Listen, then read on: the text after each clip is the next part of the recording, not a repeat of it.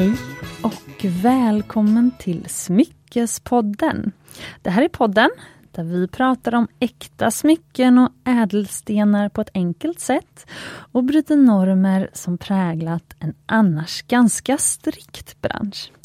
Och idag har jag de kanske mest efterfrågade gästerna av alla tillbaka. Så roligt! Det är ett eh, radarpar som är experter på gamla och antika äkta smycken. Varmt välkomna tillbaka Carolina och Victoria från Jewelry Escape. Tack, vilken fantastisk eh, intro! Oh. Det var väl så länge sedan vi var med så det kanske är därför ja. som vi är så efterlängtade. ja, men jättekul vi har också längtat kan jag säga. ja, det, verkligen, det har vi. Ja, nej, men så kul och eh, för dig som är ny lyssnare så kan ni gå tillbaka och lyssna på det senaste avsnittet där tjejerna var med. Det var avsnitt 115 som släpptes 16 juni förra året och det handlade om van Cleef och Arpell. Ja, gud vad roligt det var och mysigt mm. och ja, mm. det var gräva djupt. De här ja. kvali Ja, det var ett fantastiskt avsnitt eh, som jag faktiskt i anslutning till att nu vi släpper det här avsnittet så kommer jag släppa det i repris. Mm. För att jag har också massa extra material kvar att dela. Eh, det var eh, massa grejer. När man jobbar i smyckesbranschen så är ofta kring jul och ofta kring juni, i alla fall på mitt jobb, eh, väldigt mycket att göra och då bara det föll bort från min to-do att jag skulle dela extra materialet. Det finns ju så mycket, ni hade ju så mycket härliga bilder och sånt från det avsnittet på med i studion som jag filmade och så. Mm. Så det extra materialet kommer släppas nu för dig som lyssnar i anslutning till att vi släpper reprisen. Vad mm. kul! Mm. Och så kommer ja. det komma extra material från det här avsnittet också, för vi ska fortsätta prata om eh, smyckestillverkare. Ja, vi ja. gör ju en djupdykning idag igen. Precis. Mm. Men då håller vi oss faktiskt här i Sverige, för det mesta I alla fall delvis, ja precis. I alla fall, i alla fall till namnet. Ja. Eller precis, det, det svenska juvelerarhuset eh, V.A. Bolin. Så häftigt. Mm. Mm. Eh, och varför har det gjort stort avtryck på er och på egentligen svensk smyckesbransch? Alltså det handlar nog om ett enda ord och det är kvalitet. Mm. Visst är det så att ni har jobbat på Viabolin? Nej, det har jag faktiskt inte. Va, vart är det ni har jobbat?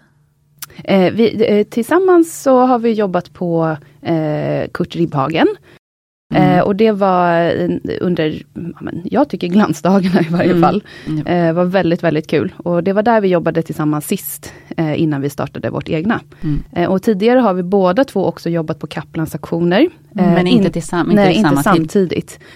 Eh, och sen så har vi varit på lite andra ställen däremellan. Så Ja, men inte hos Men inte jobbat men, men jag har varit, varit där inne väldigt mycket. Ja, verkligen. verkligen. Och har fin kontakt med Christian Bolin som är Eh, ägare idag. För hur ser företaget ut idag? Om man tänker att vi kommer ju ägna det här avsnittet åt att prata om historien och så vidare. Mm. Men hur ser det ut idag? Idag är det Christian Bolin som, som äger företaget och som driver företaget. Eh, och det, det drivs som ett, eh, som ett showroom. Så att, eh, det är inte någon liksom vanlig butik utan man bokar tid. Och de eh, specialtillverkar ju smycken på beställning till sina kunder. Jag tror att de har en gedigen man ska säga, stammiskundkrets mm. som har handlat hos dem många, många, många, säkert många generationer. Och Christian kan ju skryta med att han är, vad är det, sjätte eller sjunde generationen som driver företaget. Eh, det är riktigt, riktigt häftigt. Mm. Och vi, vi pratar om det, vi kommer ju komma tillbaka till det, hur det här företaget liksom har varit med om så många liksom, man säga, katastrofer eller att det har varit, hänt jobbiga saker och alltid kommer de tillbaka. Det verkar vara en, en familj av stor så här, kämpaglöd och man mm. bara, nej, entreprenörsanda. Nu, upp på fötter igen, entreprenörsanda. Ja. Gud vad inspirerande. Eh, genom, hela, genom hela historien, det är så häftigt. Otroligt inspirerande. Och ni sitter här med tre böcker framför er. Tjocka ja. böcker med rosa post som sticker upp. Ja, men alltså det, om man säger så här, det är inte bara juveler som kanske är vår stora kärlek i livet utan det är faktiskt också litteratur och då såklart väldigt mycket om juveler men även historierna kring och mycket kungliga juveler och sånt där. Så i många av, vi har ett, jag tycker själv att vi har ett väldigt fint bibliotek som vi såklart ska mm. utöka i framtiden men vi har fantastisk litteratur och det står så otroligt mycket och när man pratar då om juvelerarhus som Vea Bolin, då finns det väldigt mycket att ta av. eh, i litteraturen. Så Mm. därför tog vi också med lite böcker, för det finns fantastiska fotografier i de här. Ja, och det här är ju som, det här, just de här två som ligger, det är verkligen två praktverk. Eh, en, en som heter Tiaras, History of Splendor, som Jeffrey Munn har skrivit. Och sen en som heter The Jewels of the Romanovs av Stefano Papi.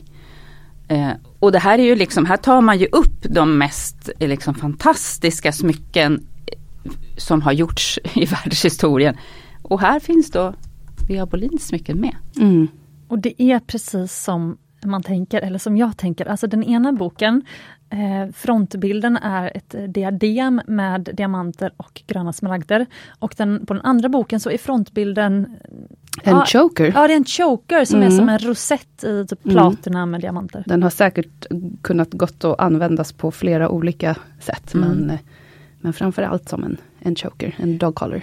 Och där står det alltså om Veobolin. Ja, Jajamän, Trots att i det- allra högsta grad. Trots att det handlar om internationell smyckeskonst. Ja, men för det är internationell Ja, precis, smyckeskonst. det är internationell smyckeskonst. Alltså vi har ju när man tänker de här stora juvelerarhusen så kanske man direkt tänker Cartier och Mm. van Cleef som vi har pratat om. Och, ehm, ja, alla de här Och stora i Ryssland tänker man Tiffany. säkert Fabergé, för Ja. det är den som är, det, det är kanske den ryska juvelerarhuset som kanske är mest känt och det är säkert på grund av de här kejserliga påskäggen.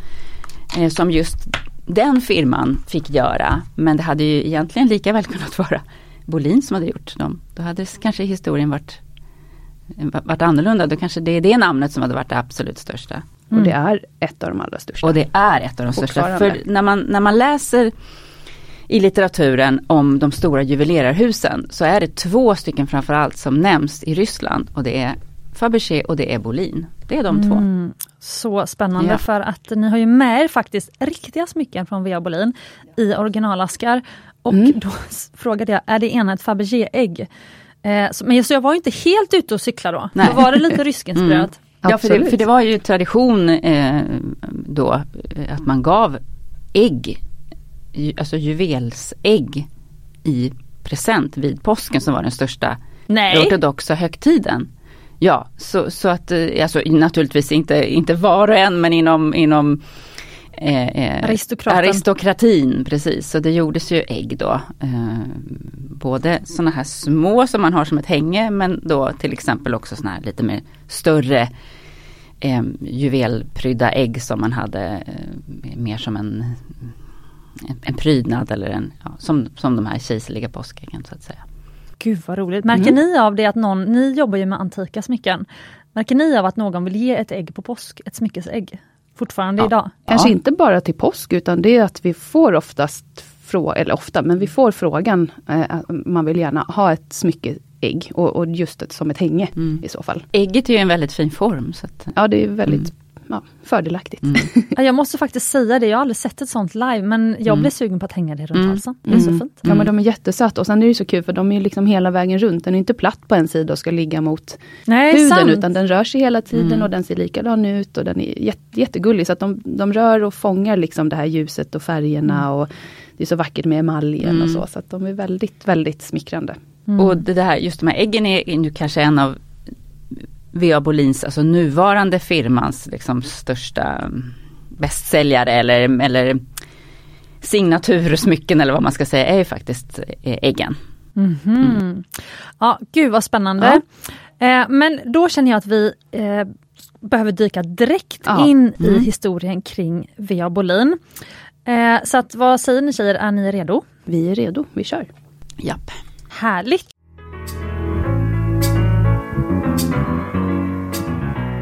Okej, vart vill ni börja? Ni har ju historien här framför er. Ja. ja men vi börjar faktiskt 1791. Det tycker jag är lite hisnande. Mm. Eh, året, eh, åren efter, precis efter franska revolutionen, året innan Gustav III blev mördad här i Stockholm. Vår svenska kung. Det är liksom, det här är, det här är historia, Mm. verkligen. Och då är det en egentligen tysk som han hamnar i Sankt Petersburg helt enkelt. Han heter Andreas Römpler. Och ehm, han grundar 1791 en juvelerarfirma, ett juvelerarhus. Ehm, det går några år och eh, på 1830-talet så anställer han en svensk kille som heter Karl Edvard Bolin. Han anställs som bokhållare och han kommer direkt från Stockholm. Det var nämligen så att han var kapten, eh, nej han var son till en kapten vars skepp eh, förliste och i och med det hela familjens förmögenhet. Så han var tvungen att ge sig ut och skaffa sig ett eget yrke och ett, eh, ja, men egna pengar helt enkelt. Det gick inte att lita på eh, familjens förmögenhet som då hade försvunnit. försvunnit. Och det var ju då liksom det började det här, den här mm. andan att ja, men då, då börjar jag på något nytt. Ja, jag börjar på något nytt. Och han beger sig då till Sankt Petersburg, vilket var eh, dåtidens stora metropol. Det var liksom the city where it happens. Det är dit man skulle åka om man ville göra sig ett namn och om man ville få möjligheten att faktiskt kunna arbeta sig upp till någonting. Ja, det var som en internationell metropol. Ja. Gud vad rafflande. Mm. Victoria är som bra historieberättare. Jag vet. Sitter som på nålar. vad ska hända? vad händer sen? det som händer sen är att året efter så eh, på, på den här firman då som den här Andreas Römpler hade eh, grundat 1791 så fanns det en guldsmed som hette Gottlieb Ernst Jan. Eh, och hans dotter som sägs ska ha varit mycket vacker, hon gifter sig såklart med Karl Edvard oh. Bolin. Så, eh, och då blir han kanske automatiskt delägare i det här juvelerarhuset. Så 40 eh, år senare typ? Ja, lite drygt. Um, och sen bara något år efter det, då så byter företaget och heter då Jan och Bolin, eller Bolin och Jan, beroende på vilka källor man läser. De heter nog lite olika i olika tider tror jag. Precis, beroende på vem man frågar mm. kanske. Uh, och uh, då, då börjar liksom egentligen kanske, kan man säga det moderna Bolinska juveler, juvelerarhuset, mm. uh, sin riktiga historia. Så då är vi på 1830-talet. Men och då är de ju också hovjuvelerare. Då är mm. de Till hov... ryska hoven. Japp. Precis. Mm. Eh, 1839 tror jag att de blir hovjuvelerare till tsar Nikolaus den första. Och sen är de hovjuvelerare till varenda kommande rysk tsarfamilj ända fram till revolutionen 1917. Mm. Ja, det, det, är, wow. så hisnande. häftigt. Mm. Och självklart när de kommer till Sverige då är de ju hovjuvelerare till de svenska till det svenska kungahuset. Men innan dess så var de alltså tsarfamiljen. Mm. Eh, det tycker jag också är så här, mm. wow. Det är häftigt. eh, och där på 1800 sent 1830-tal, då är de, de är så pass stora så att de har över 50 stycken anställda. Mm. Det tycker jag också är riktigt coolt. Mm. Det, är, det är ett stort företag. Vet man hur många som var hantverkare, alltså guldsmeder och steninfattare? Och emaljörer Säkert de flesta tror jag av ja. de anställda. Ja, mm. absolut. Det, det, kan jag tänka mig att det var riktiga hantverkare. Och de har ju också ett hus i Sankt Petersburg eh, där de äger hela huset och där då på olika våningar finns det då hantverkare och sen finns det säkert också sådana som är ute på stan och sina egna och så har de ju då salonger där man kommer och tittar på juveler. Och det, det, har vi nog sagt någon gång i den här podden men, men huset finns ju kvar än idag i Sankt Petersburg och i fasaden står det Bolin. Mm. På så, Bolsjala Morskaja nummer 10. Ja precis, nummer 10. Och, det, och det ligger alltså precis vid eh, Vinterpalatset. Men deras verksamhet, finns den kvar där? Nej. Nej. Nej, Nej. det finns den inte. Men det är häftigt att, att, att de har verkligen satt sån prägel så att var och en kan läsa deras namn på husfasaden. Ja, för på, precis, för på husfasaden mm. så är det liksom, där står det Bolin mm. fortfarande. Jag, har en, jag kan visa dig en bild sen när det begav sig så när man kunde åka till Sankt Petersburg. Så ja. Och som du sa Karolina, det var ju en, det var en stor butik. Där damerna kunde komma mm. för att dricka te och titta på, på juveler och göra beställningar och sen våningarna ovanför, där satt många utav hantverkarna. Så det var ett helt, liksom, ett, ett helt, helt komplex, komplex. Ja, hus. Eh, riktigt, ja, smurf, riktigt häftigt. Eh, så ser det ju inte riktigt ut idag. Eh, hos de flesta stora. Utan man har kanske en guldsmed som sitter på ett ställe som hjälper en med det och en mm. stenfattare på ett annat ställe. Alla är ju liksom egna företagare men där var det liksom en enda stor koncern. Ett hus verkligen. Ja.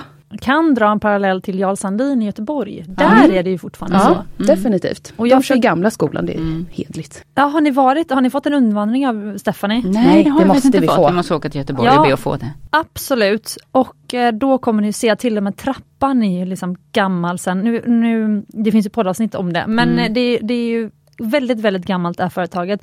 Och trappan är ju inte utbytt. Alltså, alltså Mm. hela Det- liksom inredningen är ju gammal. Fint när man, Ja. när man tänker Och så har så. de butiken då som nu faktiskt är, är nygjord, omgjord, så nu är det kul att åka till Jarlsandin. Eh, De byggde om den nu i januari. Eh, så där är det modernt. Mm. Och så våningarna uppe är ju gammalt då. Mm. Och där sitter guldsmederna. Ja men det, jag men gillar det är sånt där. gamla Alltså, det är, ja, Mm. gamla Ja, men det, hederliga. det, det är också lite hisnande faktiskt att eh, eh, när man tänker på hur det var att Bolin, de, de var så stora. De, de var verkligen en av de stora namnen. Mm. Och- Och, och det- de är ju grundade faktiskt mycket tidigare än utav många de andra eh, juvelerarhusen. Ja. Alltså Cartier de här som började på 1860-talet. Och Bolin även Fabergé alltså- var ju också mitten på 1800-talet. Så Ja. Bolin har funnits mycket längre. Mm. Är riktigt häftigt. Ja, nej, jag har massa frågor men för en grej, nu kanske du tappar tråden här om jag Nej, bara... det gör nej, inget. vad, Kör på. Jag hoppar tillbaka till tråden sen. vad bra. Jag hoppar tillbaka. För att en sak som jag eh, tycker är fascinerande med Cartiers historia är ju att de efter typ 30-40 år, tror jag det var, började köpa tillbaka. Alltså när, jag tror det blev krig och så behövde de, eh, alltså de tidigare, för att finansiera kanske att resa iväg från Mm. landet, eh, de tidigare kunderna började ju sälja av sina smycken och då köpte ju Cartier tillbaka det för Mm. att liksom upprätthålla andrahandsmarknaden. Var det så någon gång för Bolins? Ja, de har ju också många av de gamla smyckena finns kvar. Ja, Det, I deras, I, eh, igår en- var vi och besökte Christian Bolin. Ah, okej. Ehm, och eh, just för att då fick vi faktiskt låna några utav de här föremålen som vi har med oss. Och då visade han att han faktiskt ha, har eh, fått möjlighet att köpa tillbaka några utav de här gamla smyckena. Mm. ja. Ehm, och det är jättespännande, så att det sker fortfarande idag. Och nu var säkert inte den kunden i något kanske så ekonomiskt krisläge, men, eh, men ändå. Det, Jag tänker om jag hade haft eh, ett smycke från Cartier eller från Bolin och, och ville avyttra det så hade jag tyckt det varit väldigt fint om det fick gå tillbaks till ehm, mm. originalhemmet så att säga. Ja, absolut. Verkligen. Mm, fortsätt på storyn här. Vi eh, fortsätter i den Victoria. kronologiska ordningen. Ehm, 1850-tal, då tar nästa generation över. Det är sönerna Edvard och Gustav. Och de driver firman som då heter C.E. Bolin. Alltså efter Carl pappa Edvard. Karl Edvard. Ehm, och nu på 1850-talet då är Bolin riktigt kända för att ha fantastiska ädelstenar i sina smycken och ett riktigt hantverk. Så redan här så särskiljer de sig från många utav de andra. Sen tycker jag en annan sak som är jätterolig och det är 1851 och jag tror att vi har tjatat om det 1 756 000 gånger. 1851 så är det den första världsutställningen och det är den som sker i London eh, på initiativ av drottning Victoria och prins Albert. Den här utställningen där det kommer 6 miljoner besökare och eh, man visar nya innovationer i teknik men såklart också då i smyckeskonsten som följer. Och vilka är där och ställer ut? Vilka är där och ställer ut och vilka är det som får liksom superduper eh, renomméer från den här utställningen? Jo men det är ju faktiskt då Bolinbröderna. Mm. Eh, och då, de sätter verkligen en stor prägel liksom på den internationella marknaden. Eh, för nu på 1850-talet då, då blir ju världen större i och med ång, eh, alltså lok och eh, båtar. Man kan ta sig runt liksom den kända världen på ett mycket enklare sätt och det sprider sig. Så att blir man känd nu, då blir, Blir man, man. känd. Jag ska bara läsa det här stycket som vi såg. Jag ska hämta min telefon det är apropå hur... eh, Du kan fortsätta Victoria. Ja. Ehm, och eh, i Sankt Petersburg så var det ju otroligt, otroligt eh, stort då att vara en juvelerare för den ryska tsarfamiljen och som vi sa aristokratin, den var enorm. Det fanns väldigt, väldigt mycket stora kunder så att många utav de här andra internationella juvelerarhusen, de ville komma till Sankt Petersburg och etablera sig, bland annat Boucheron till exempel. Eh, och det gjorde de och det gick säkert jättebra för dem. Men de var inte i närheten utav vad Bolin var. Mm. De var liksom de allra, allra största på 1800-talets mitt här. Det är ju så spännande och jag undrar ju när vi kommer så nog komma dit men jag blir så här varför bytte de land? Det här är så intressant. Ja, och det, det kommer vi komma till. Det var Ja. inte frivilligt. Nej, helt enkelt. gud vad spännande. Ehm, en annan stor konkurrent som du sa Carolina, det var ju då såklart juvelerarhuset Fabergé. De Mm. grundas, på, grundas på 1840-talet. Men det är mot slutet utav 1800-talet som de utan tvekan blir Bolins allra största konkurrent. Jag tror, att de, jag tror att jag läste att de upptäcktes av tsarfamiljen 1882. Mm. Också när de hade en utställning i, i Moskva då, motsvarande Mm. världsutställning fast, de, fast inom Ryssland då. Innan Precis. dess så, så var det, Ja, och det var, det var ju andra generationen då, alltså sonen Karl Peter Fabergé. Det var han som tog det till de här nya höjderna Mm. och när tsarfamiljen liksom upptäckte att oj jäklar, vad är det här för något? ja alltså nu var, jag pratade om att Fabergé blev upptäckt Ja, av tsarfamiljen det jag 1880 innan. Bolin hade ju liksom innan Redan dess, funnits. ja, Ja, precis. sedan länge. Ehm, och, s- mm, förlåt. Jag, bara, jag får sådana inspel här. Men kanske var det tack vare varandra som de var tvungna att bli så bra som de blev. Alltså det kanske Ja. är väldigt, väldigt bra med konkurrens. Absolut. Ja, och det Ja. finns ju så fint någon bild här där det är just en, en, en uppsättning som den ryska tsarinnan Alexandra bär. Ja, porträttet. Ja, och då är det ju en, eh, en tiara. Men det är den här. Inte det och det. Nej, det var inte Nej, förlåt. den jag nej, nej, nej. på. Eh, Nu bläddrar vi här ja, i vårt. precis, vi bläddrar i vårt. Alltså det här är definitionen på coffee table böcker. Ja. Ehm, Väldigt bläddringsvänliga. Och man det- kan inte sluta bläddra heller. det är Nej ju det. precis. Och det är liksom mycket text om man liksom är själv hemma. Och sen så är det mycket bilder om man har gäster och vill liksom ta fram något uppslag här, visa något vackert smycke. Nej, men det är så fint för att det är nämligen en jättevacker tiara. Och sen så är det en eh, som är gjord av Vea Bolin. Mm. Eh, och sen så på det här porträttet så bär Så är det också brosch eller devant de corsage som hon har som, är- där de, som matchar på något sätt då med, ehm, med tiaran där ehm, Fabergé har gjort, det här är det, Här är den, titta. Mm. ett jättevackert porträtt av henne. Gud, Här är- filmar här. Ja, Så här har vi den vackra tiaran. Notera att bilden är svartvit. det Mm. är då fantastiska smaragder som sitter här, här, här, här. Men det finns alltså inte någon bumlingar. modernare bild. Nej, för den här Och den bär hon ju på sitt huvud. Och sen så precis nedanför, nu ser jag inte, men Ja, du pekade rätt. här har hon en brosch på sig. Eh, som liksom matchar överdelen, den översta eh, delen på tiaran. Och tiaran är gjord av Vea Bolin och broschen är gjord utav Fabergé. Wow. Mm. Hon har sättet men ändå från två stycken. Mm. Ja. Så de, de samarbetade nog i allra högsta grad. Och Och det de- här är ju tsarinnan. Och det var också, finns också någon historia när, när um, tsaren ville sälja av en del eh, juveler och ädelstenar. Och de gick ihop då, Bolin och Fabergé, för att kunna köpa det här så att det skulle räddas kvar i landet. Men gud Mm, vad fint. Så de, de samarbetade nog i De högsta grad. samarbetade men som du säger, jag tror också att det var hälsosam konkurrens. Mm. Och Ja, det är ju faktiskt det som behövs för Mm. att, eh, ja, men för att utveckla sig och för att kanske man får en liten extra spark i baken och liksom vill göra någonting litet extra. Dra Ja. upp liksom volymen. Mm. Precis så, det är som att ha en kusin eller syrra eller alltså, kompis som man liksom tävlar mot. Mm. Ja, Eh, precis. Sparring. Ja. Vi ska visa dig sen också Cecilia och du kanske du kan lägga ut som extra material just bilder på, alltså väldigt, det finns ju flera väldigt kända em, porträtt eller också fotografier på den sista eh, ryska tsarinnan Alexandra. Eh, där hon då bär den här till exempel. Jag vet inte om du känner igen den men jag tycker den ser man ofta en, en bild som Oj, är där de sitter med en otroligt stor och maffig och korsnick tiara som är full med diamanter och pärlor. Eh, Och bara det här porträttet är ju så ja, och det är ju vackert. Bolin.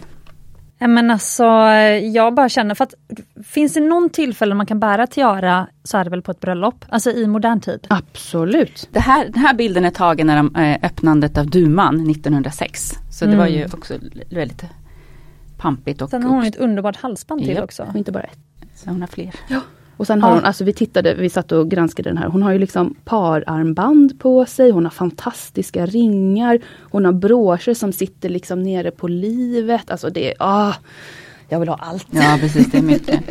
Ja, Men det här är ju liksom, det här är ju verkligen smycken av stor dignitet. Ja, titta liksom storleken på pärlorna liksom i den här tiaran är ju bara wow. har ni burit tiara någon gång? Ja, alltså provat. Ja men, Men precis inte vid provat, något men inte- tillfälle nej. liksom. Det har vi tyvärr, tyvärr inte. Finns det ett tillfälle, tycker ni, som man kan bära tiara på förutom bröllop? Nobel kan man väl Ja, man just har det. en tiara på kanske. Eller om man har, Vi som blev bjudna då? vi som blir bjudna på Nobel eller vi som blir bjudna på kanske lite finare så här. Jag tänker till exempel som eh, i Finland när de alltid har den här balen, självständighets, för till Ah. självständighetsdagen, eh, 6 december tror jag det är. D- Där klär de ju alltid upp sig väldigt fint och bär. Så till sådana tillfällen Absolut, då tycker jag nästan, har man tillgång till en tiara, då bör man använda den. Ja, har man tillgången, precis, har man tillgång till en tiara så måste det ju någon gång användas för Och sen, det har vi också tjatat om en miljon gånger, men eh, en del eller många utav de här tiarorna går ju att eh, använda på flera olika sätt. Just det. Mm, Vissa kan vara att man plockar så att det är några broscher. Eh, och vissa är att man kan eh, göra om dem så att det blir, alltså på ett enkelt sätt då till en collier och bära runt halsen. Så eh, många är ju faktiskt väldigt användbara. Ja, ja. ja men man kan i alla fall ha den vid flera tillfällen. Ja. Här är en annan sån här äh, som också är gjord då ehm, i Ryssland. Eh, på 1849 eller något sånt här tror jag den är gjord. Eh, och det är ju den, den berömda Vladimir-tiaran som vi säkert har pratat om Ja, också i podden den. tidigare. Mm. Mm. Och den gjordes ju då till storfurstinnan Vladimir. Eh, en väldigt eh, excentrisk och, och berömd Parant. parant dam som var gift då med den sista tsarens farbror. Eh, och hon var ju då efter, efter tsarinnan Alexandra och eh, änke tsarinnan Maria Feodorovna så var ju hon liksom rikets tredje viktigaste dam. Och hon var ju en, Hon klädde sig därefter. Ja, och hon var en otroligt excentrisk dam som älskade att hålla kulturella salonger i sitt hem och älskade juveler och hade en fantastisk juvelsamling. Eh, som hon gärna visade upp då när man besökte henne. Och den här vet vi var den finns idag. Ja, och, och, och, och det som är så bra där också, för att tyvärr, alltså tsarfamiljens smycken, de, de konfiskerades ju och försvann. Medan den här, eh, eh, sina Vladimirs smycken räddades ju ut ur Ryssland.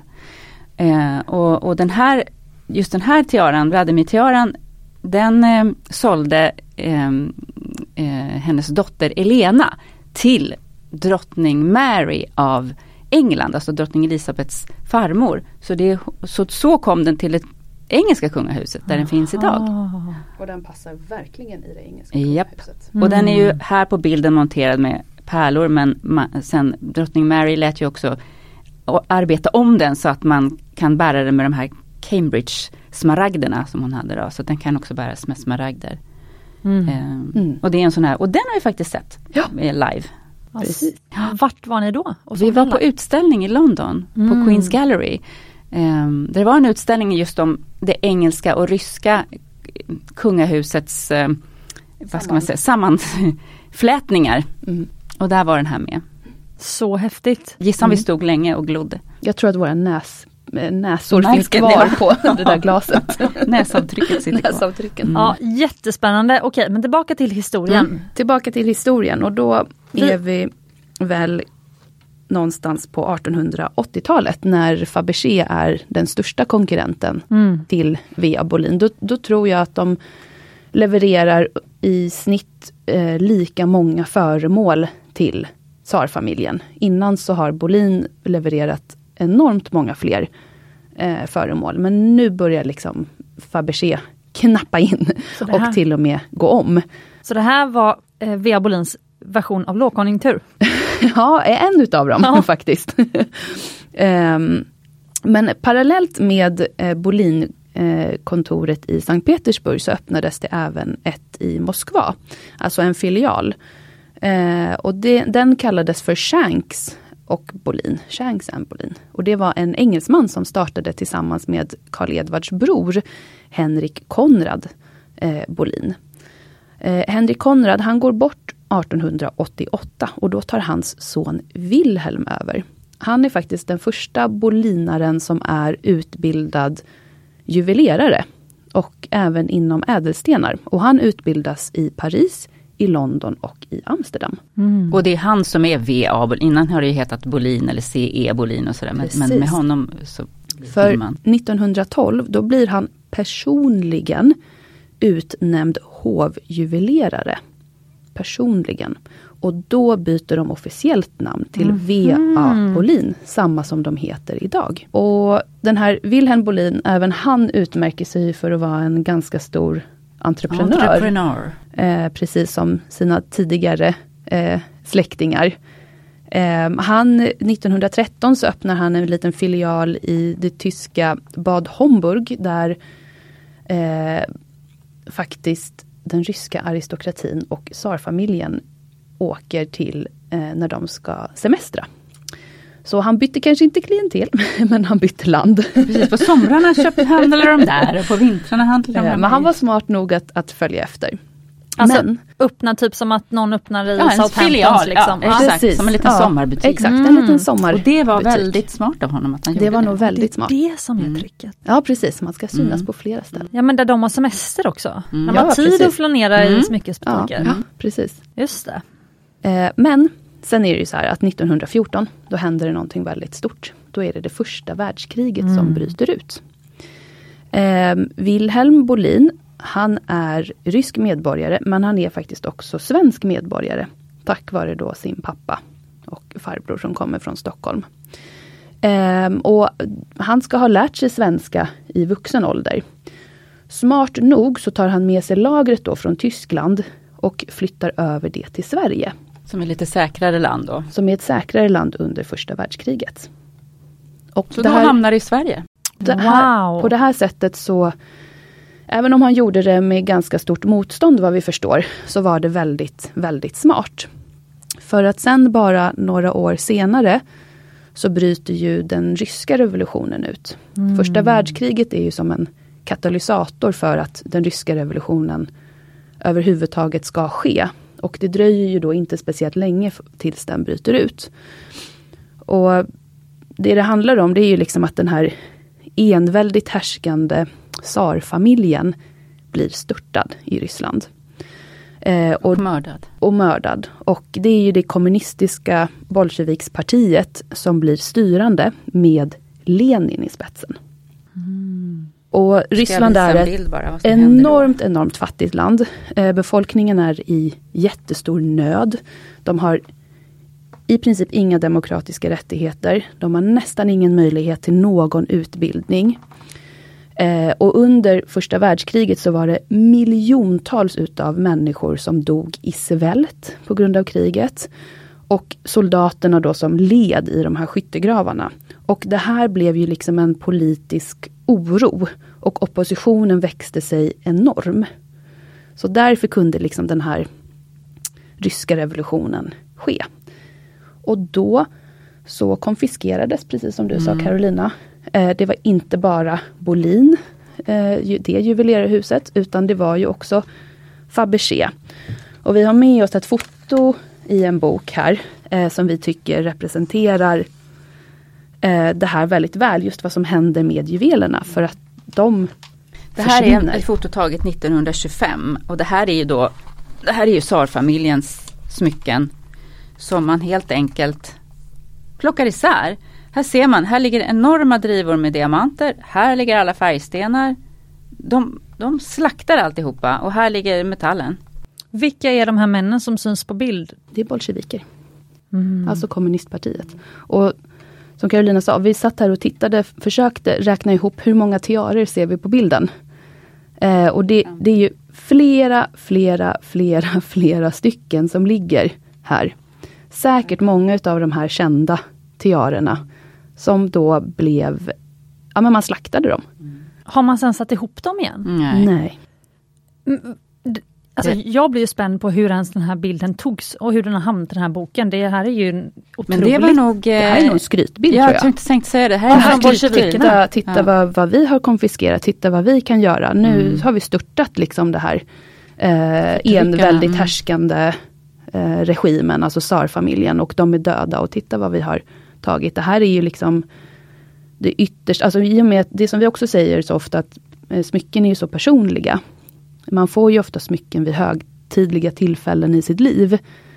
De här smyckena betyder ju så otroligt mycket. De har ju kommit till vid eh, eller har givits vid de här stora tillfällena i livet. Även, för, även en tsarfamilj har ju högtider. Mm. Som födslar och dop och eh, allt möjligt. Och jag tror att om vi skulle sätta oss och dissekera bilden här så tror jag säkert vi skulle känna igen många av de här smyckena på bilderna från tsarfamiljen. Så att, eh, och, och, nu, nu, är ju vi ur ett, i, i, alltså om man bara tar bort det politiska och allt det där och orättvisor som klart som varit, men ur ett kulturhistoriskt och smyckeshistoriskt perspektiv så är det ju, så gråter man ju när man ser det här att hur de slaktar alla de här fantastiska smyckena som aldrig mer kommer att finnas. Vad hände? Vet ni sen hur de, alltså för att, att ta isär och slakta, mm. säljer man då en pärla styck, Det är det liksom? vi pratar om på vägen hit, undrar var alla de här stenarna är nu. Jag menar, och säkert, allt är inte slaktat tror jag, utan en del finns väl naturligtvis i Kreml, men det visas väl inte upp för vi sa det, Putin kanske badar i diamanter, vi har ingen aning. Ja, han kanske har det i sitt badkar. Men, men en liten parallell till det här, apropå Bolin, är faktiskt också en, eh, att det här händer, höll på att säga, än idag, inte, inte i så här stora mått, men det finns en bild av en jättevacker tiara i boken med rubiner. Eh, och det var då tsar Alexander den andre som lät beställa den här eh, tiaran när hans dotter Marie skulle gifta sig med den engelska prinsen, alltså drottning Victorias son eh, Alfred. Eh, och bli en medlem i den engelska kungafamiljen. Då mm. tillverkade man den här tiaran till henne med rubiner som var väldigt ovanligt att man gjorde i Ryssland. Eh, och så småningom Eh, så rubiner var ju inte riktigt på modet Nej, och det var, jag tror att man tyckte det var lite, o, man var lite rädd för rubinerna, att det mm. skulle bringa olycka och sådär. Ja. Mm. Men det brydde sig inte han om tydligen. Men i alla fall, vi ser på bilden hur fin den ser ut. Och den här såldes 1978 eh, på Christies av då hennes eh, arvingar. Och som, som det står i boken Ehm, den som köpte det här var någon, någon handlare som ville ha det här, inte för att det var en tiara, inte för att det var historiskt smycke, utan för rubinerna. Så att den här har också slaktats, det vill säga att rubinerna har tagits ut och ersatts med ametister. Och som det står i boken, då blev det liksom inte alls, den här blev inte, den förlorade hela sin själ då när det var ametister. Och sen har den här då dansat runt tydligen i branschen eh, och, och liksom försvunnit ut ur, ur smyckeshistorien. smyckeshistorien och man vet mm. inte vad som har hänt med den. Så det är också väldigt synd. Istället mm. för att mm. bevara den så här vacker så har man då plockat ut rubinerna och sålt dem var för sig. Eller som. Det tycker jag känns tråkigt ur ett, ur ett perspektiv. det är inte så länge sedan. Nej, det är 1978. Det... Så det där händer än idag att det slaktas. Eller byggs om kanske man ska säga här. Men, lite, men som sagt hela den här tiaran förlorar liksom sin mm. dignitet. Mm. mm. Så det är lite tråkigt. Ja, väldigt tråkigt. Mm. Men så görs ju med hus idag också. Alltså jag är lite fascinerad av det när man köper helt fin, alltså när jag vik på husvisning eller mm. även lägenhetsvisning och så. Mm. Alltså att man hittar de här jättefina ombonade husen men som mm. inte passar en själv. Mm. Då tycker jag att man ska lämna dem till någon som mm. vill flytta in direkt. Mm. Helt rätt. Så lite så med den tiaran, då hade ja, man ju kunnat skippa att köpa den och äh, lämna den till någon som vill ha den. Som vill ha den och så hade den funnits kvar. Men var det, men det väldigt... Det finns en bild kvar av den i alla fall. Ja precis. Från auktionsvisningen tror jag. Men vet ni om det var väldigt unika rubiner? Eller ja om... men man ser ju här, det, är ju som, ja. det, är, de, det lyser ju om dem. Och, och rubiner är ju ovanligt att de blir speciellt stora kristaller vilket betyder att man inte kan slipa stora ädelstenar utav det. Eh, så att är de, är de i den här storleken då är det riktigt, riktigt ovanligt. Mm. Och här vet vi att det är såklart det naturliga och de är inte behandlade på något sätt. Mm. Och som Carolina sa, alltså bara på det här 70-talsfotot så lyser de. Mm. Så tänk hur de har sett ut i verkligheten. Det måste varit helt fantastiska exemplar. Mm. Ja, då, mm. intressant. Ja, väldigt. Men så att ja, det är lite så som Bolin då, eller det är så som Bolin hamnar i Stockholm.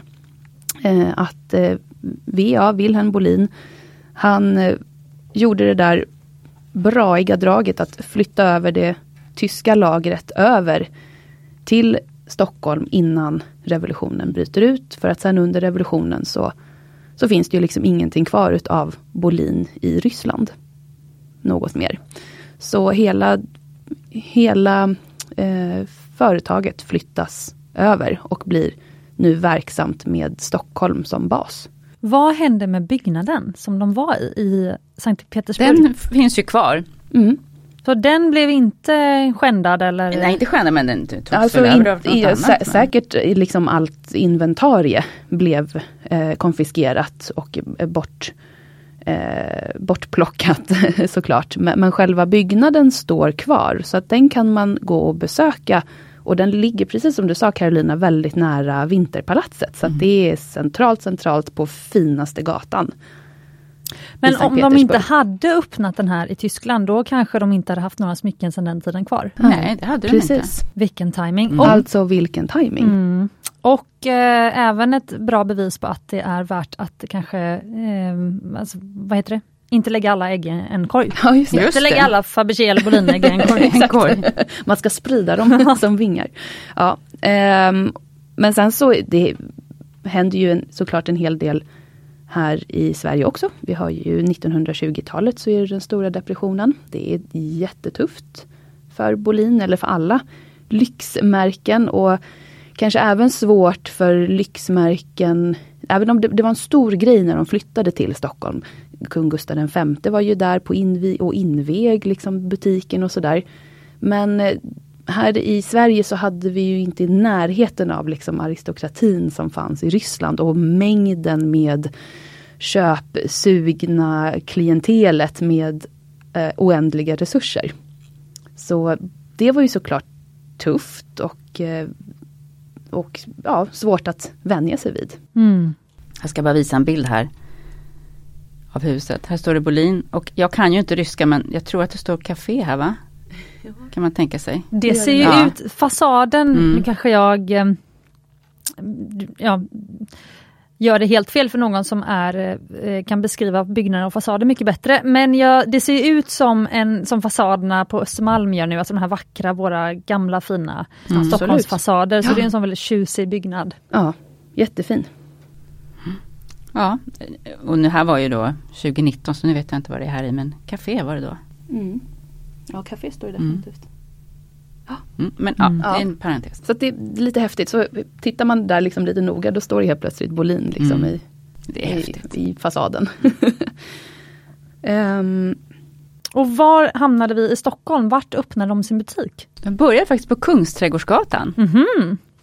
Som en liten eh, salong eller juvelsalong kallar de det för. Ja. Mm. precis.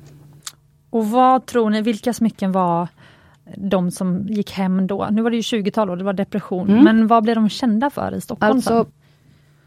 Wilhelm, han var emot guld. Oj! Personligt. Mm. Han tyckte det var vulgärt. Ja, så att guldsmycken skulle det absolut inte vara. Vilket betydde att han var väldigt, väldigt för då den här nya metallen som vi pratade om eh, förut. Platina.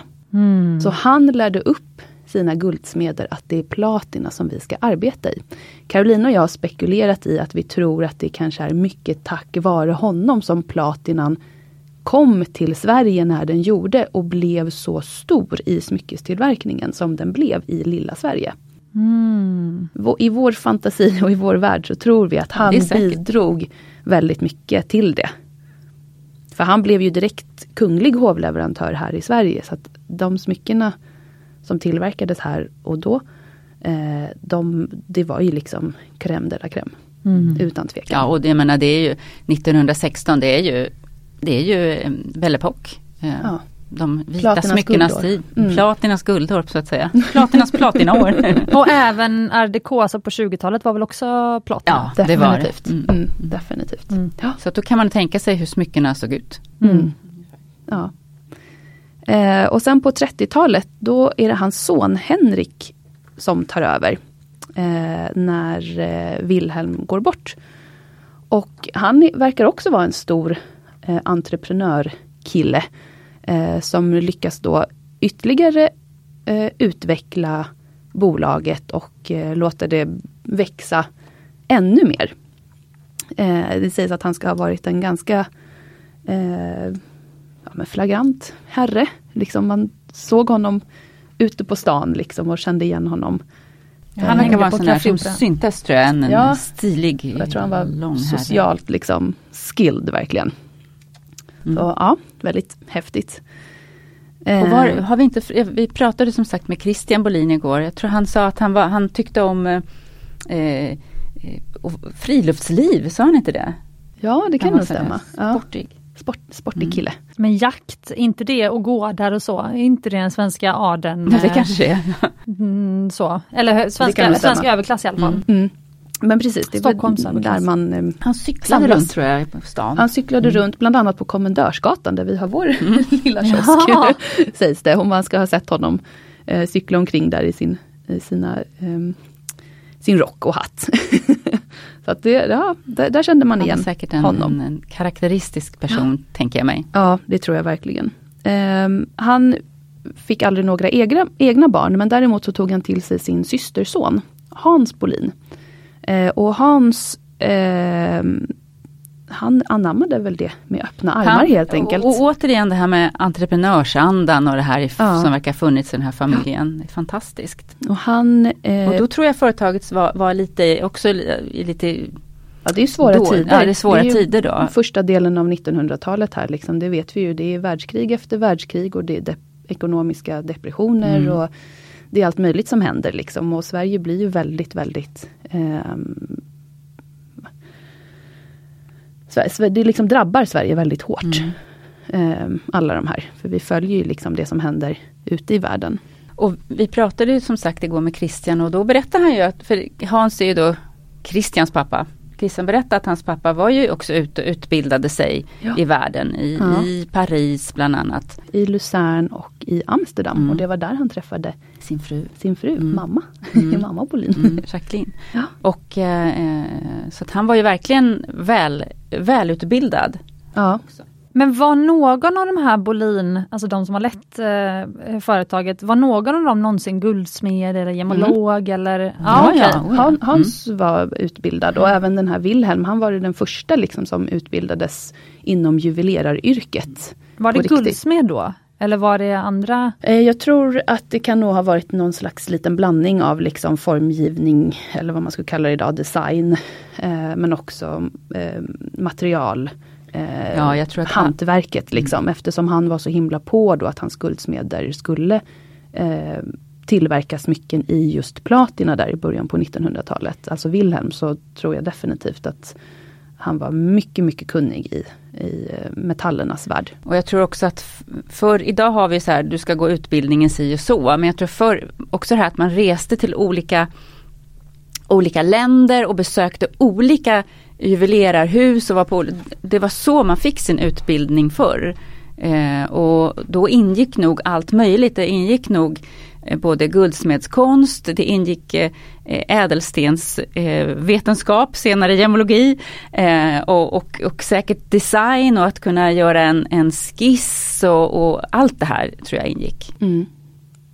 Nej, jag är så fascinerad för att ingen av alla de här generationerna har ju då sålt bolaget Nej. eller tummat på Mm. kvalitet. Nej. Aldrig. Alltså de har ju haft så mycket chanser att någon då ska liksom eh, roffa åt sig av kakan. Alltså på ett ehm, Alltså gör det mycket mer så här kommersiellt eller alltså de har ju alltid haft så hög kvalitetskänsla. Mm. Eh, de har liksom inte velat kompromissa och det tycker jag är väldigt fascinerande att ingen av de här generationerna har gjort det. Mm. Och det var ju faktiskt en sak som Christian nämnde igår också. Ah, okej. Eh, Just det som du säger nu, att eh, han har fortfarande enkom eh, kunder som får boka in sig efter Mm. överenskommelse hos honom.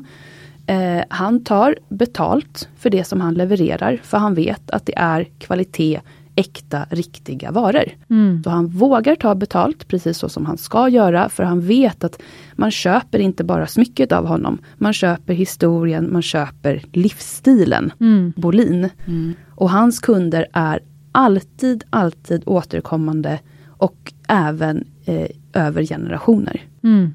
Så Precis. han kan göra det här och det tycker jag är så jäkla coolt. Ja. Mm. Det är precis så som det ska vara. Det är inte slit och släng. Det är Nej, inte till snabbkaffet liksom. Det är ingenting utav det där utan det är kvalitet. Och, det, ska och, och ska vi tänka på, för jag, jag, det har jag sagt också många gånger förr, eller min käpphäst, men man, man måste tänka kvalitet. Man kan inte bara gå på det som är billigt hela tiden. Det, det, det blir inte bra då. Nej. Man måste köpa det som är, ska man köpa någonting så ska man köpa någonting som är ordentligt. Ja. Mm. Och, och Christian då nu som är liksom den generationen som är nu verksam. Eh, han är ju mycket, mycket med, väl medveten om eh, historien och, och kvaliteten genom Mm. historien. Så att han kan liksom med stolthet hela tiden hänvisa till fantastiska objekt. Oavsett vad det är man söker för någonting hos honom.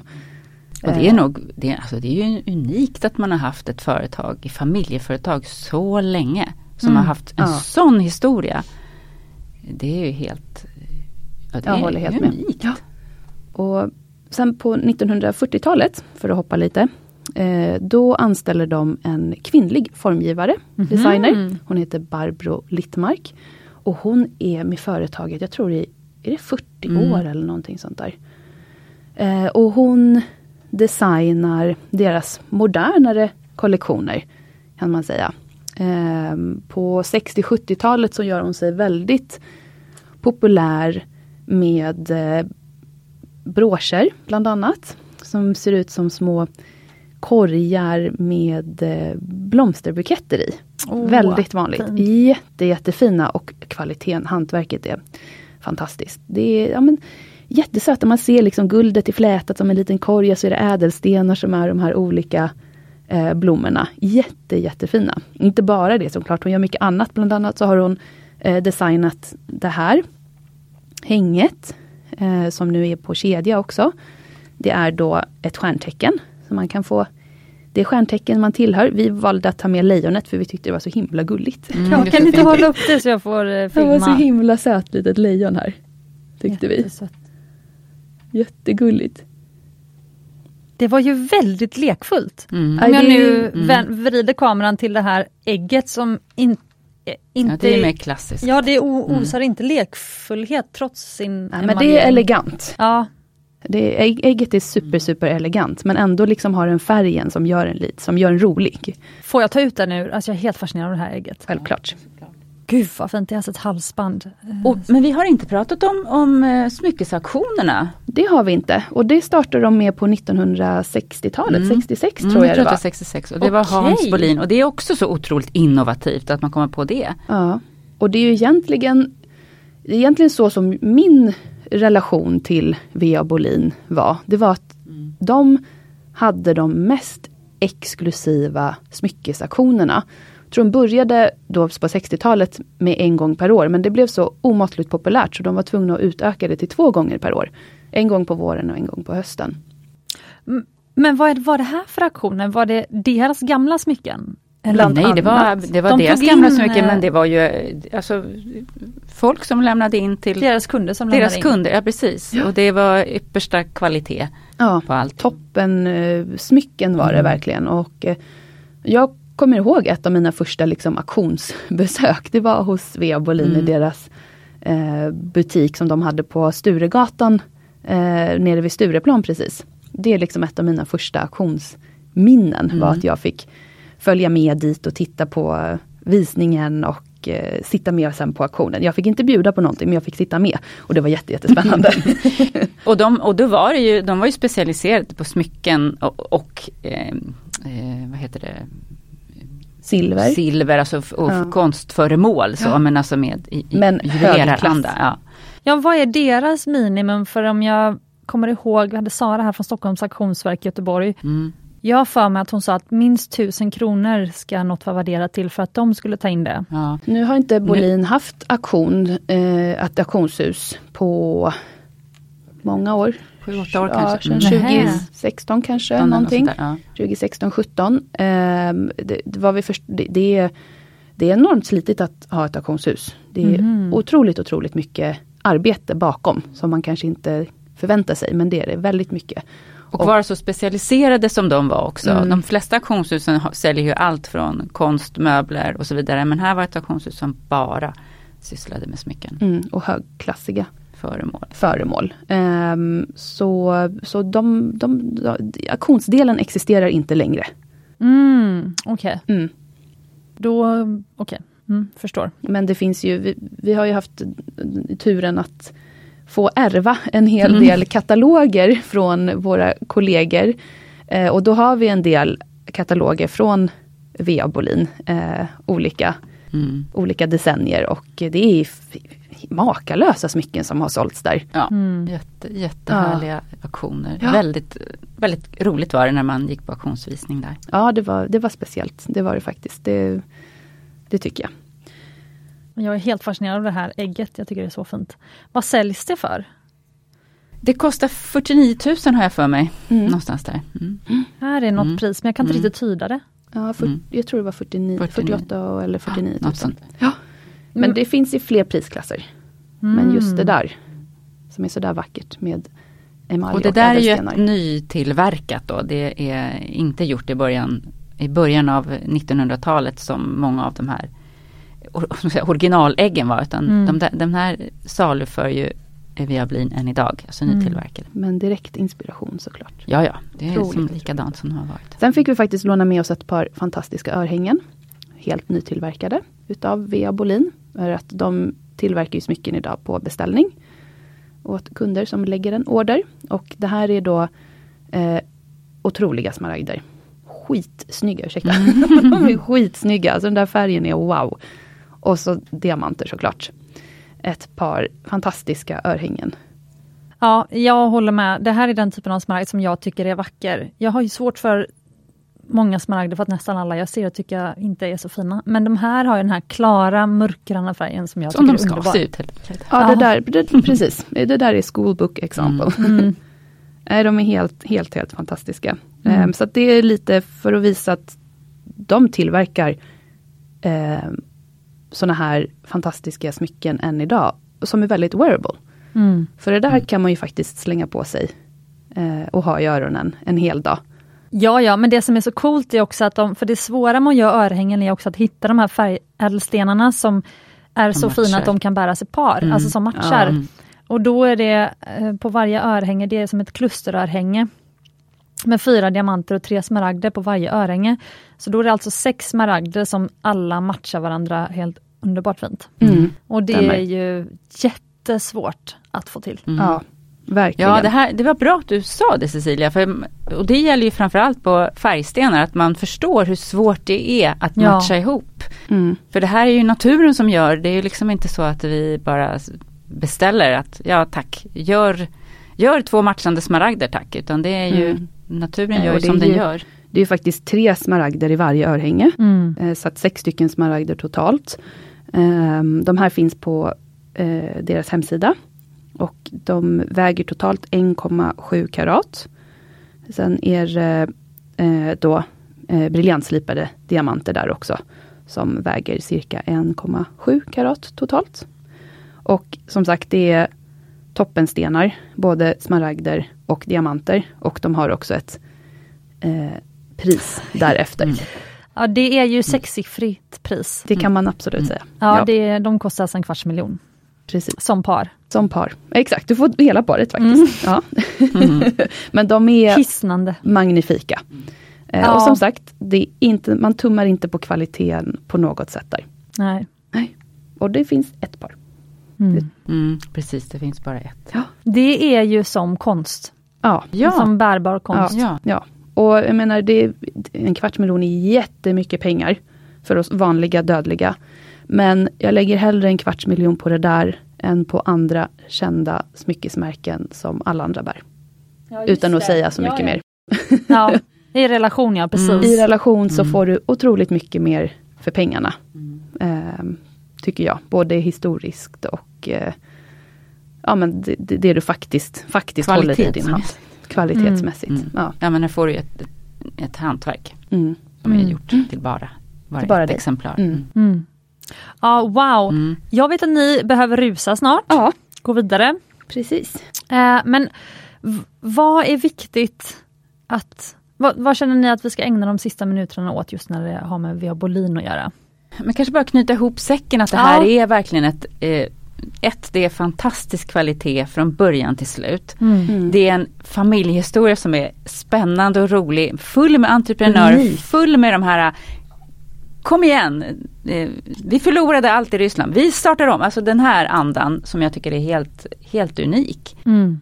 Eh, Ja men det finns faktiskt inget annat juvelerarhus som kan mäta sig med Bolin Nej. på den och internationella att vi ska marknaden vara på det så sättet. malliga eh, hela, Mm. att vi, det här är, det här är liksom vi, vi, alltså ett svenskt företag som finns kvar och som har gjort de här fantastiska juvelerna som är historiska som, som finns hos, hos kungar och drottningar och, och genom historien. Mm. Du kan titta i de här smyckesböckerna och här, här har vi saker som Bolin har gjort. Jag tycker det är Mm. Och det är, det är de maffiga tiarerna. Ja. det är inte de små utan det Nej. är de riktigt, riktigt maffiga. Till exempel den här Vladimir-tiaran då som finns just nu eh, hos det engelska kungahuset. Mm.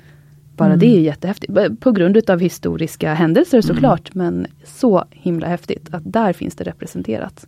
Ja, jag tycker att det här är så kul och det var faktiskt tack vare er som det här blev temat på avsnittet.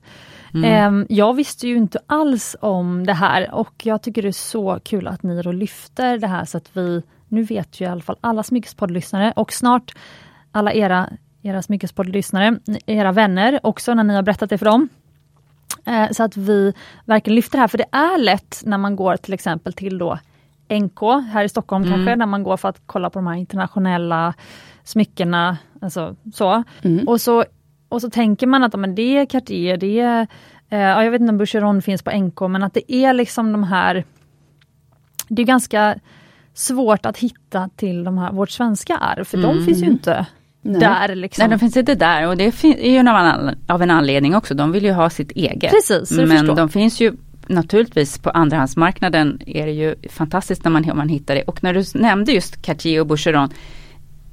I, de här, I litteraturen, när man nämner de stora juvelerarhusen så nämner man ju Cartier Boucheron, det är Frankrike. Men Bolin Fabergé, det är Ryssland.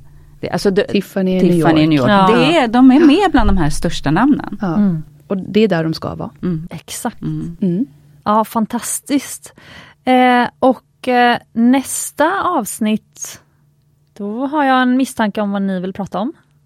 Vi pratade väl kanske om att vi skulle koncentrera oss på de kungliga juvelerna.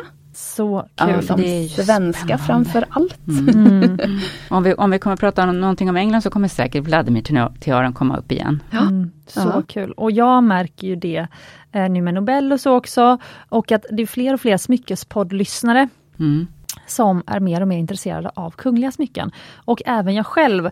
Och jag funderar på om det handlar om det att man hamnar vid de här kungligheterna och, den, gamla, den gamla rikedomen Mm. när man blir mer och mer intresserad av smycken, Mm. hantverk. Alltså det här. Jag Ja, tror de det. är ju liksom, det var ju dåtidens eh, kändisar, Mm. liksom, dåtidens Mm. inspirationskälla. Så det är inte alls konstigt att vi hamnar där igen, för det, det är ju liksom, det här är, det, allt, mycket finns ju bevarat, en Mm. hel del, inte allt då såklart. Eh, och det är magnifika föremål, så att det är så och det, och det finns dokumenterat också, det är ju det. Det finns Mm. dokumenterat i litteratur, i, ibland i filmer eller serier och sådär. Så det, och, och det, som, det som vi sa förut att smycken är ju personligt, jätte, jättepersonligt. Och det här blir så personligt till de här kungligheterna genom historien. Och då Mm. kanske man också känner något litet så här samband med det. Även de bär vigselringar och de får en dopgåva eller någonting sånt där, precis som vi också har. Och då Mm. tror jag att man känner att ja, men vi är faktiskt lika. Mm. Och det här är ju smyckeshistoria. Det, här har vi det framdukat liksom. Precis. Ja, så fint. Är det något mer som ni känner att ni vill tillägga i det här avsnittet? Men håll utkik på auktion. Mm. För att eh, på de lite större auktionshusen, de lite bättre eller vad man ska säga, de seriösa auktionshusen, där kan man hitta eh, Bolinsmycken. Man kan hitta allt då från de lite modernare Barbro Littmark, de här jättesöta eh, blomsterbroscherna till exempel. Men man kan också hitta tidiga 1900-talsalster. Mm. Så håll utkik för att de, och Bolinsmycken, de, ham- de får alltid vara med på eh, auktionshöjdpunkterna. De får alltid vara med på de här lite finare kvalitetsaktionerna. Mm. Mm. De går inte i mängden så att säga. Nej, och då kan man studera kvalitet. Ja, definitivt. Just det, Mm. exakt. Eh, och det var en hänvisning till avsnittet som vi spelade in med Natasha Gaudi som kanske släpps innan det här eller precis efter, vi får se. Men de släpps nog i anslutning till varandra och där pratar vi just om hur man ser att ett smycke är av god kvalitet. Ja, perfekt, Mm. jättebra. Bra. Och jag vill tacka er tjejer för att ni tog er tid att komma hit till Tack studion. för att vi fick komma. Tack, det är alltid så kul att vara här. Ja, verkligen. Tiden så går alltid roligt. så fort. Ja, alldeles för fort. Så roligt och extremt väl researchat. Tack för det. Tack Mm. snälla. Jättekul. Och du som lyssnar, du kan komma i kontakt med Carolina och Victoria på Instagram, där Mm. de heter Jewelry Escape, Yes, som en, en flykt undan, en glitter undanflykt. absolut. En Eh, oas. Vad sa du? En oas. Ja, Tillflykt precis. till oasen. Ja. Precis. Eh, och eh, ni värderar gamla smycken ja, eh, och ni säljer också vidare gamla smycken. Mm, Så man kan vi. komma till er och eh, special eh, önska att ni ska hålla utkik efter någonting. Och, absolut. Mm. Det gör vi hemskt gärna. Och där är också vårt nyckelord är kvalitet. mm, Så vi säljer också bara det som är eh, äkta metall, äkta ädelstenar och ingenting som har något slitage eller något sånt där. Utan det ska gå att använda. mm, vilket nålsöga. Mm. Och med de orden kära lyssnare så önskar vi er en jättehärlig dag och glöm inte att du är värd äkta smycken och ädla stenar. Och hög kvalitet. Perfekt.